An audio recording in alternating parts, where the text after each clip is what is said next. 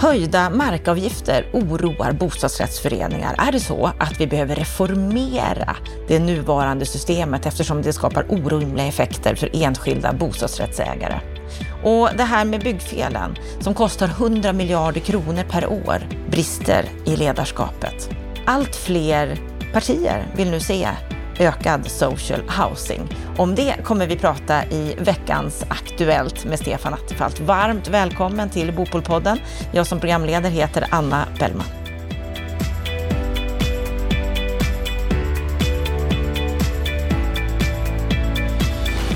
Under veckan som har gått så har det varit en del saker som har sagts i media, bland annat så har vi läst om ett larm i bostadsrättsföreningar i Stockholm att de sitter i en rävsax. Det här handlar om höjda markavgifter som oroar bostadsrättsföreningar.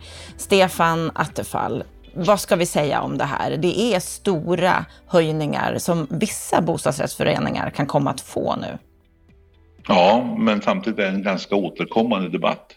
Och det är ju så att eh, de bostadsrättsföreningar som har eh, hyr marken av kommunen de får var tionde år sådana här stora höjningar därför att då har ju markvärdet stigit. Och eh, kommunen tycker att eh, det ska vara en, en, en, viss avkastning på den markinnehavet och då blir det ganska kraftiga höjningar. Jag läste här att det kan bli så mycket som 100 procents höjningar på en femårsperiod för en hel del föreningar i Stockholm. Jag tror sammanlagt att man pratar om 300 föreningar i Stockholms innerstad.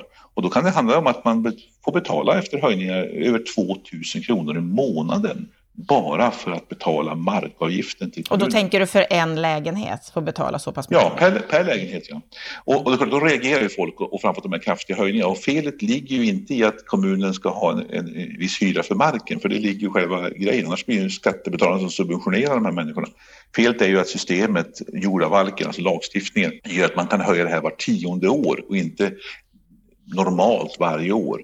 Och det andra är ju att hela själva idén med tomträttsinstitutet när det blir så höga markpriser försvinner ju. För att det var ju faktiskt, och det är ju faktiskt ett bostadssocialt verktyg. Alltså låta människor, både småhusägare och bostadsrättsföreningar, bygga på mark som man inte behöver köpa loss. Då blir det mindre av kapitalinsats när man ska bygga. Människor som inte har så mycket kapital kan alltså skaffa sitt eget hem.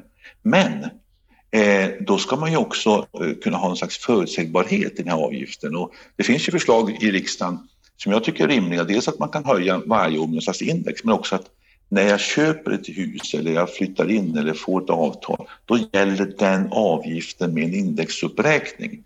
Eh, och sen när det blir ny ägare, då räknar man om det till nya taxeringsvärden. Så får nya ägaren liksom gå in på en kanske högre nivå och sen blir det en indexuppräkning under tiden som man äger sin, sin bostad. Det ska vara ett sätt att reformera tomträttsinstitutet och få bort de här avarterna. För att själva idén med att hyra ut marken och låta folk slippa köpa, den är ju god. Men den håller på att liksom bli ja, ett dåligt rykte kring hela det här tomträttsinstitutet.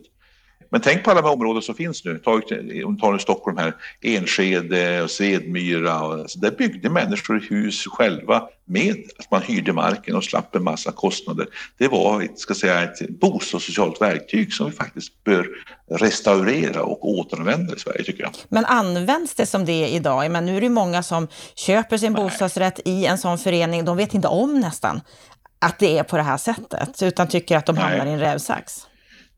Det är ett problem att folk inte alltid vet om det, men det, det, används ju inte minst när man ska försöka stimulera fram hyresrätter lite billigare. Då hyr man ut marken istället för att låta, låta eh, det företag som bygger hyresrätterna eh, betala för markkostnaden på en gång och då blir det ska säga, en lägre ingångshyra. Men det blir ju ett, ett växande problem om just marken stiger i värde under, under ett antal år framåt. Men om man som förening nu har det på det här sättet att man har en tomträtt och det kommer bli kraftiga avgifter, hur ska man agera? Ja, först och främst måste man veta om att man bor i ett hus med tomträttsavgift och inte egen mark. För det är ett av problemen, man vet inte om det när man köper lägenhet exempelvis. Men det andra är nog att man, vi måste få till stånd en förändring av hela systemet. Vi kan inte ha en ordning där vi, som det är idag med de här chockhöjningarna var tionde år. Det är det som är problemet och där måste alltså politiken reformera tomträttsinstrumentet. Det är ett bra instrument som kan användas för bostadssociala ändamål men då måste man reformera systemet. Reformera systemet om man bor i en bostadsrätt som har tomträtt idag, då finns det inte jättemycket att göra. Vi ska gå vidare till ett annat område. Det ska handla om byggfel. Det är byggindustrin som 2018 rapporterade att vi har en massa misstag, fusk och slarv för 100 miljarder och Boverket de har nu gjort en uppföljande studie om det här. Vad handlar det här om? Ja, det är just en studie som visar på att det finns ungefär 100 miljarder i fusk, eh, slarv, eh, man inte har gjort som man skulle göra. Och då har man alltså gått vidare och tittat på, men vad kan det bero på det här? Och så har man prövat ett antal teser och man har gjort enkätstudier bland projektledare på nio olika projekt i Sverige. Och framträder en bild av att det är mycket av ledarskapet ute på byggarbetsplatsen som är problemet, det vill säga ledarskap i meningen hur får man alla dra åt samma håll? Hur får man alla involverade i projektet att se helheten? Det vill säga, vad är det vi bygger tillsammans?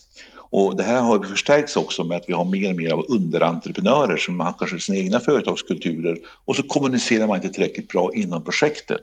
Och det visar den här studien. Så att eh, mer av, ska vi säga, eh, ledarskapsfokus, mycket mer av att underlätta för de som håller i projekten att skapa en helhetsbild så att varje hantverkare, varje enskild aktör förstår jag är med och bygger det här tillsammans och vi har ett gemensamt ansvar.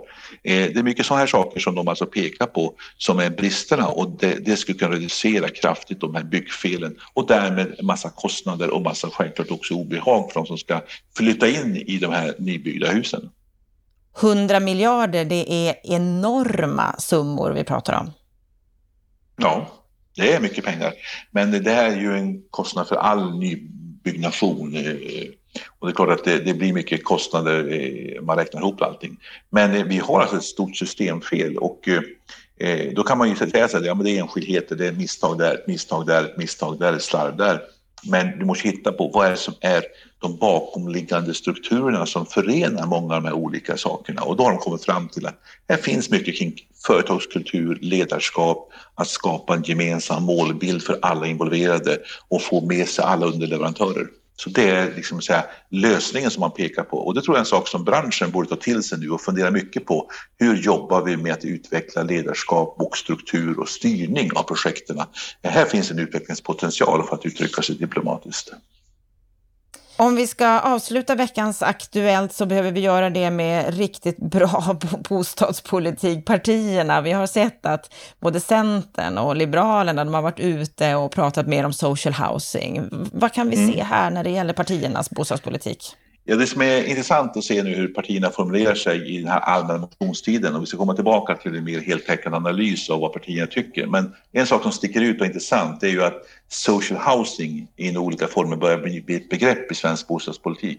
Inte minst Centern och Liberalerna lyfter fram behovet av särskilda lägenheter för resurssvaga individer.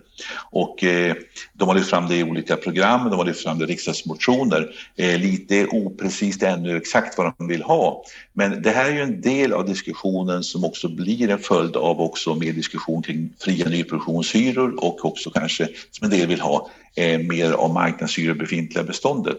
Nu ska vi vara ärliga och säga så här, vi har ju lite grann av social housing i Sverige redan idag med de här kommunala förturslägenheterna. Ungefär 25 000 sådana lägenheter finns runt om i Sverige.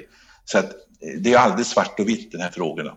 Men det är uppenbart att vi har en, en tendens till att det lyfts eh, röster nu för att ha någon typ av svensk variant av social housing. Speciella bostäder, hyresbeståndet för resurssvaga individer. Och den debatten eh, den blir spännande att följa för den kommer att växa, känner jag på mig. Ja, för det har ju varit lite avigt kring den. Vi har ju lyft, lyft det några gånger, men många tycker ju att det är lite svårt att ta i den här frågan. Ja, och begreppet social housing förknippas ju med liksom stora utanförskapsområden ute i Europa liksom, som finns på en del ställen. Eh, och många av de här partierna, även SOAC, vill inte riktigt använda uttrycket. Man talar om sociala förturslägenheter och så. Men no, alltså, det själva idén är ju att i Sverige har vi hyllat tanken att alla ska kunna bo överallt, kommunala bostadsbolagen exempelvis, ska ha lägenheter för alla med grupper. Eh, social housing innebär ju någon typ av att man säger att du som inte har så gott ställt, du bor i de här lägenheterna. Och en del länder har till och med klumpat ihop dem i olika områden och skapat enorma segregationseffekter.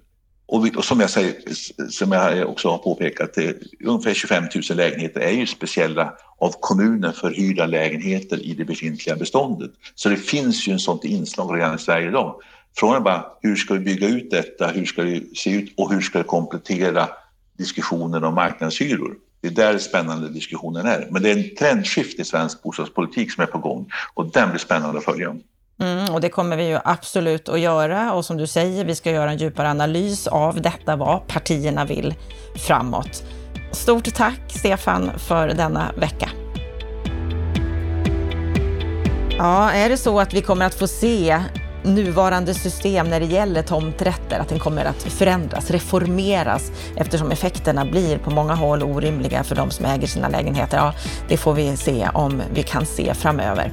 Byggfelen som kostar 100 miljarder kronor om året kommer branschen att ta ledarskapet på allvar här så att vi får mindre av brister i byggprojekten.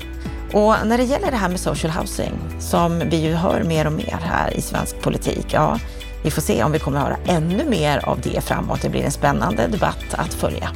Stort tack för att du lyssnar på Bopolpodden. Det var veckans Aktuellt för den här veckan. Missa inte vårt program på måndag. Då ska vi prata om vikten av att bygga mer i trä. Vi får besök av Anders Tengbom och Gustav Edgren. Det är på måndag. Fram till dess önskar jag dig en trevlig helg.